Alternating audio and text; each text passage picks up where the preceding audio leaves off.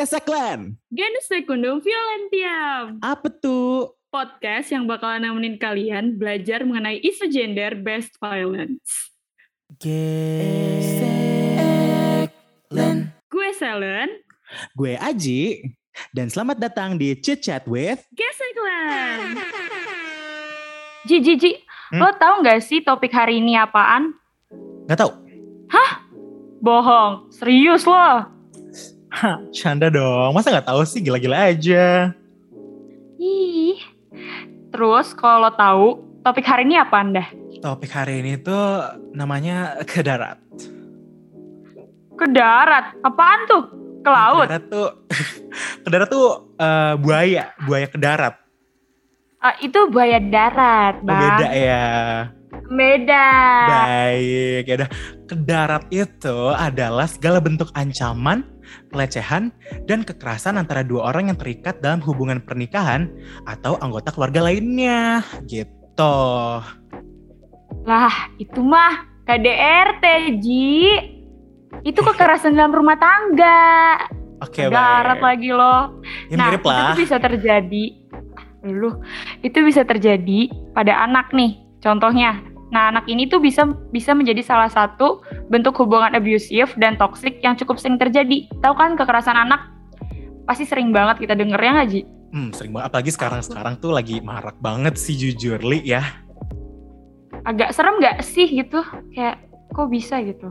Mempertanyakan ya. Gak kepikiran sih sebenarnya kok bisa mereka sampai melakukan kekerasan tuh ke anak gitu. Kayak, Nah iya kan, makanya gue bingung banget nih Ji. Coba deh lu jelasin faktor-faktor yang nyebabin KR, KDRT. Lo tahu nggak apa? Gue tuh agak bingung nih soalnya penyebabnya. Aduh, gue bisa banget ya. Kayak, pokoknya ini tuh penting banget buat diketahuin sama gesek fems ya. Karena faktor-faktor yang menyebabkan KDRT tuh ada lima nih yang udah ditulisin oleh tim research dari Gesek Crew. Oh my god, banyak banget tapi ya. Gitu, ini udah pokoknya udah paling ringkas deh kayak udah menggambarkan gitu. Nah, kita langsung masuk aja nih ke faktor-faktornya ada apa aja. Jadi Boleh, boleh, faktor yang pertama, eh, Aduh, aduh, aduh buset. oke baik. Yang pertama itu adanya bentuk pengesahan perkawinan. Ngerti nggak lo itu apaan? Eh, eh, kebetulan belum nikah sih, jadi gue nggak tahu itu Oh, apaan. Belum ya. Nah, jadi eh, belum, semoga say. semoga lo nggak sampai sih ya pengesahan perkawinan kayak gini karena bentuk pengesahan perkawinan tuh contohnya tuh kayak orang-orang yang nikah siri, nikah kontrak gitu-gitu. Nah, si bentuk pengesahan pernikahan ini tuh merupakan bentuk yang yang memiliki potensi nih untuk mengalami kekerasan fisik dibandingkan pasangan-pasangan yang menikah secara secara resmi atau kayak menikah yang seperti pada umumnya gitu.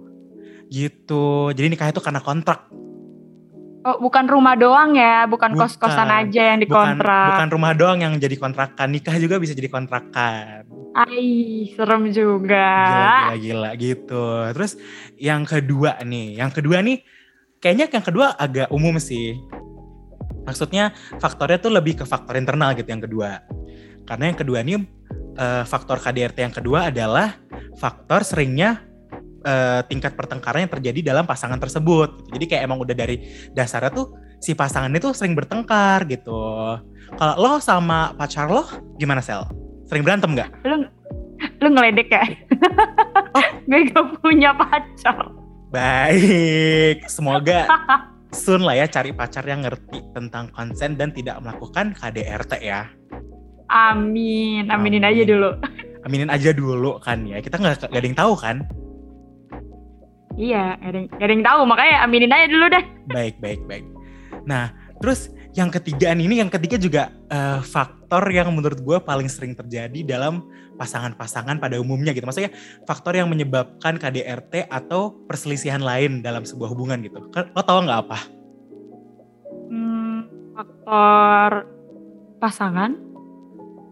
Betul, faktor pasangan tuh mungkin kalau pasangan doang lebih ambigu ya. Kita bilangnya Iya. faktor perselingkuhan. Oh my. Gitu. Jadi kayak kalau misalnya dalam suatu hubungan rumah tangga atau kayak hubungan, terus salah satu orang tuh ada yang selingkuh nih.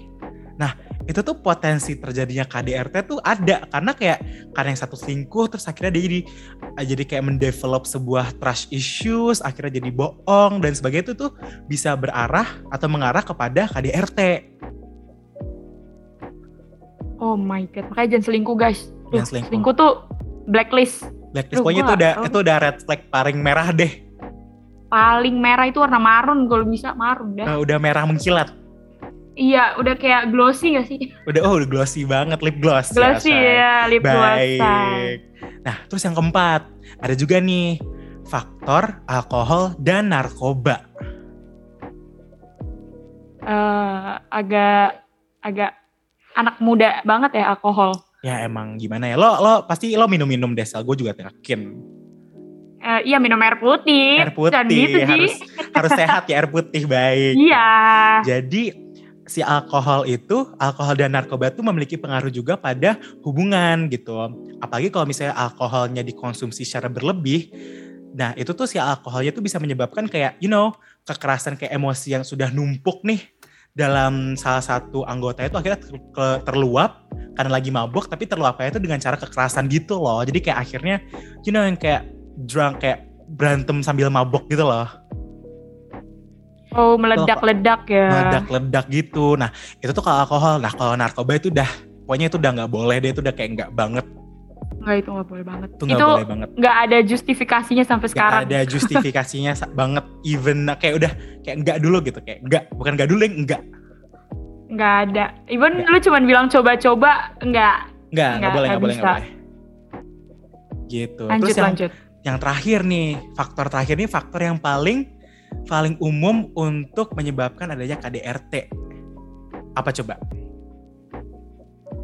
Uh, pasti yang paling umum ya, pasti ekonomi. Bener gak gue? Betul bang, 100 poin buat lo. Lo habis ini langsung eh, gila, gue pinter banget. Amin. Baik. Nah, jadi si faktor ekonomi itu sering banget nih bikin kayak pasangan sering banget bikin pasangan tuh kayak berantem gara-gara kayak you know kan kalau misalnya udah udah memiliki keluarga kan biasanya ya punya anak kan mayoritasnya kayak punya anak. Nah anak itu kan juga perlu dibiayain ya saya kan gak mungkin lo lahir terus kayak baik gitu kan nggak mungkin ya. Nah si anak itu tuh lo priayain kadang karena udah punya anak tapi biaya nggak ada jadi akhirnya berantem lah kayak ini anak kita belum dikasih susu. Terus kayak duitnya nggak ada mah. Terus akhirnya berantem lah apalah itu ada gitu sel dan itu tuh terjadi cukup umum gitu. Oh my god, makanya kalau misalnya banyak kan sekarang ya yang kalau mau nikah dini pun banyak yang harus dipikirkan kan. Ah, pernikahan tuh lo harus mikir mateng-mateng sih Sel. Iya sih, karena banyak banget tanggung jawab ya. Jadi tanggung jawabnya bukan diri lo sendiri aja. Bener ya. banget.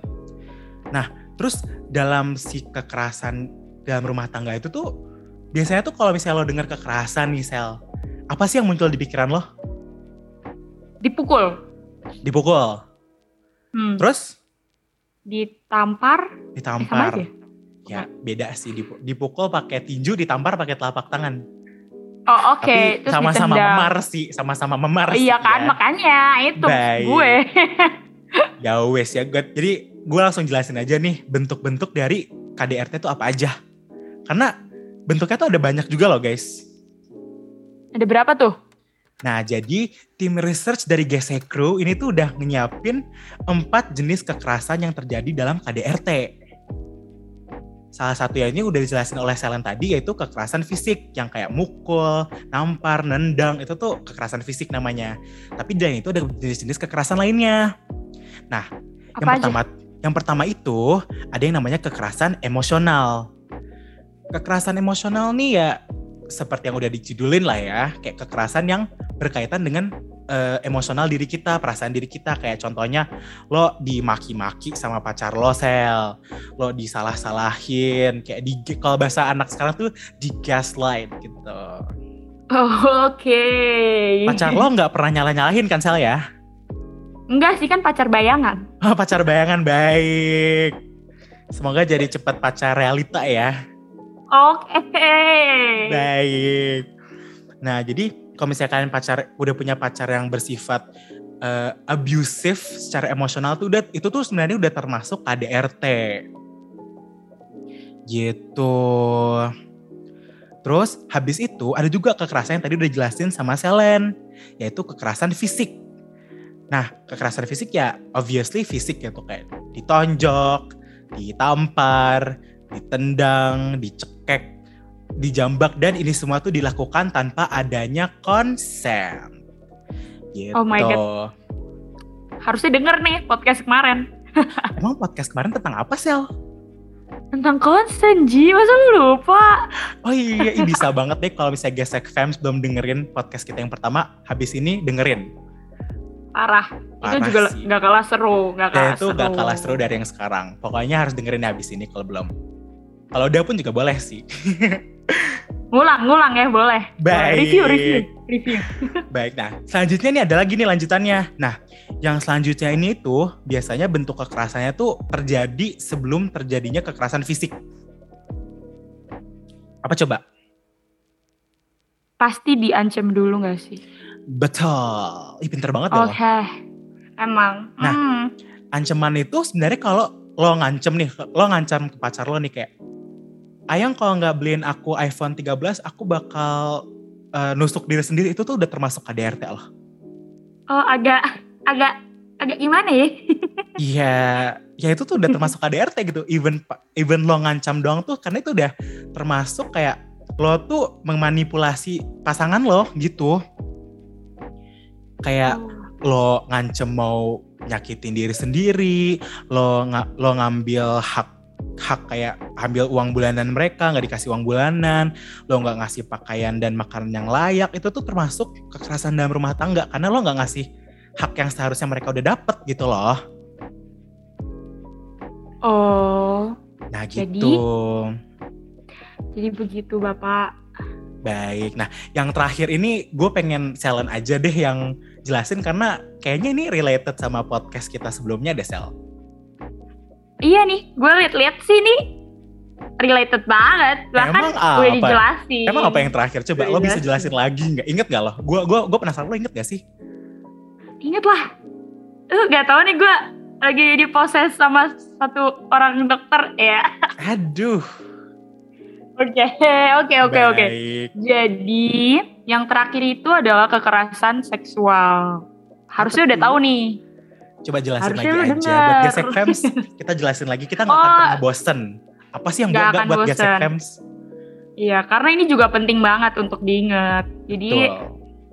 kekerasan seksual ini tuh juga termasuk dalam KDRT, terus juga terjadi ketika sudah mengalami kasus KDRT lainnya. Jadi kayak berulang gitu loh, bisa jadi berulang gitu. Karena kan kayak kemarin udah gue jelasin, orang-orang kadang-kadang kalau mikir, ah iya kita udah berumah tangga jadi kita bebas ngapa-ngapain aja, ya kan?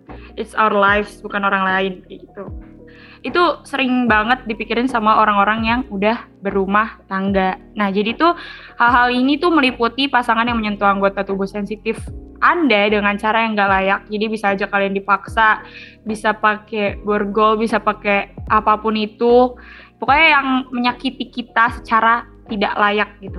Terus yang kedua itu kita disakiti pasangan selama berhubungan seksual. Jadi kan ada tuh eh, akhir-akhir ini ya gue baca kemarin tuh ada yang namanya sodom masokisme. Jadi dia tuh orang yang dia punya kayak mungkin penyakit psikolog kali ya. Jadi dia tuh kalau berhubungan seksual itu dia maunya tuh pakai cara kekerasan, mungkin sa- sambil ditampar, sambil dicekek atau bahkan ya pokoknya melakukan kekerasan lah.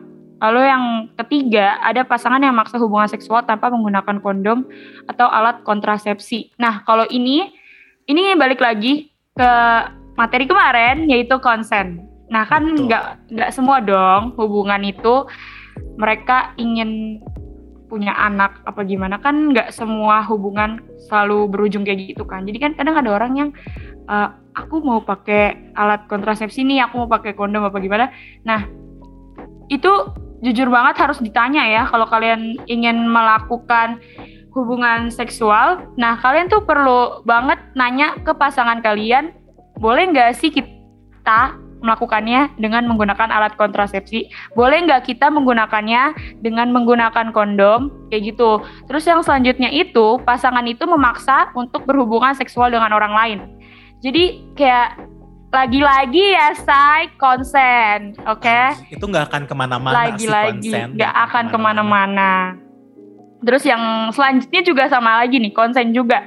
Anda juga harus ada izin untuk melakukan sesuatu yang tidak ingin Anda lakukan. Jadi kalau misalnya Anda nggak mau melakukan itu, ya jangan dipaksa karena itu semua bukan sesuatu yang apa ya yang wajib dilakukan gitu loh. Jadi tetap perlu konsen kayak gitu. Betul. Nah, terus kan barusan nih Selen udah ngejelasin banget ya tentang apa bentuk terakhir dari kekerasan ya, kekerasan dalam rumah tangga. Nah, terus kan kita tuh kalau misalnya udah tahu bentuk-bentuknya nih, kita kan juga pengen tahu nggak sih gimana caranya biar kayak AIDS gak kena KDRT gitu loh. Eh. Jadi kayak gimana caranya ya? sih? Gimana caranya biar menghindari KDRT, Sel? Lo tau nggak? Tahu dong. Ada ada tiga cara menghindari KDRT oh, yang bisa tiga. banget. Ada tiga, bukan lima, bukan sepuluh, tapi tiga. Baik. Dan ini udah diringkas dengan sangat amat ringkas ya, udah diringkas gitu sama gesek kru yang amat keren dan berwibawa. Iya. Yeah. Jadi ada tiga.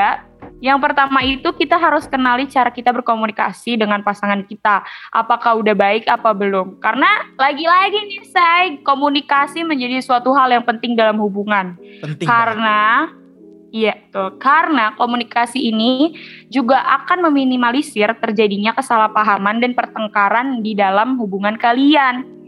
Jadi, adanya komunikasi itu teramat penting untuk kelangsungan hubungan kalian.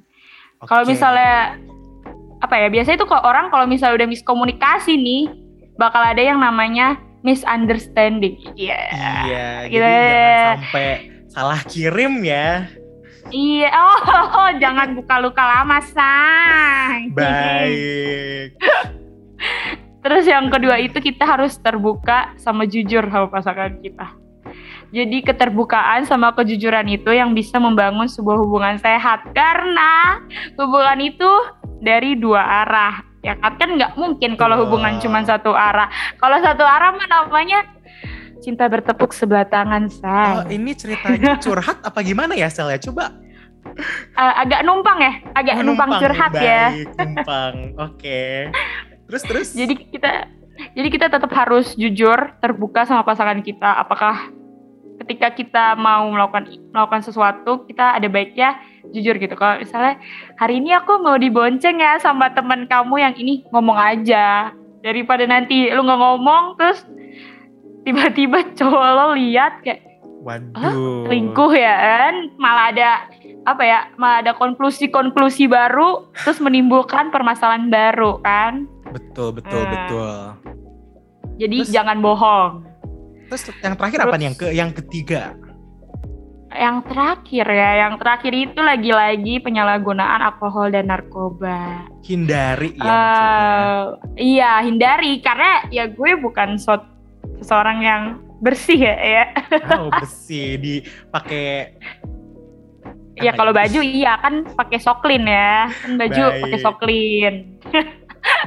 Jadi uh, mungkin kalau misalnya alkohol ini lebih kita kesadar aja nggak sih kita minum di mana, terus batas kemampuan kita, toleransi alkohol kita tuh semana kayak gitu. Kalau misalnya emang satu botol ya udah satu botol aja, nggak usah tambah-tambah jadi tiga botol. Mm-hmm. Karena biasanya orang yang kalau udah dia udah mabok berat, terus dia pulang misalnya ke rumah istrinya ya, apa ke rumah keluarganya, mungkin aja dan sangat besar kemungkinan dia akan melampiaskan semua emosi yang udah dia pendam itu langsung di rumahnya. Jadi karena dia mabuk kan dia kayak nggak mikir apa-apa kan. Orang mabuk itu kan kayak apa ya kayak kalau nggak di sadarin besok pagi tuh orang nggak akan tahu gitu apa yang dia omongin gitu jadi menurut gue kalau alkohol itu lebih ke kalian harus tahu sih batasan diri kalian batasan minum kalian toleransi alkohol kalian.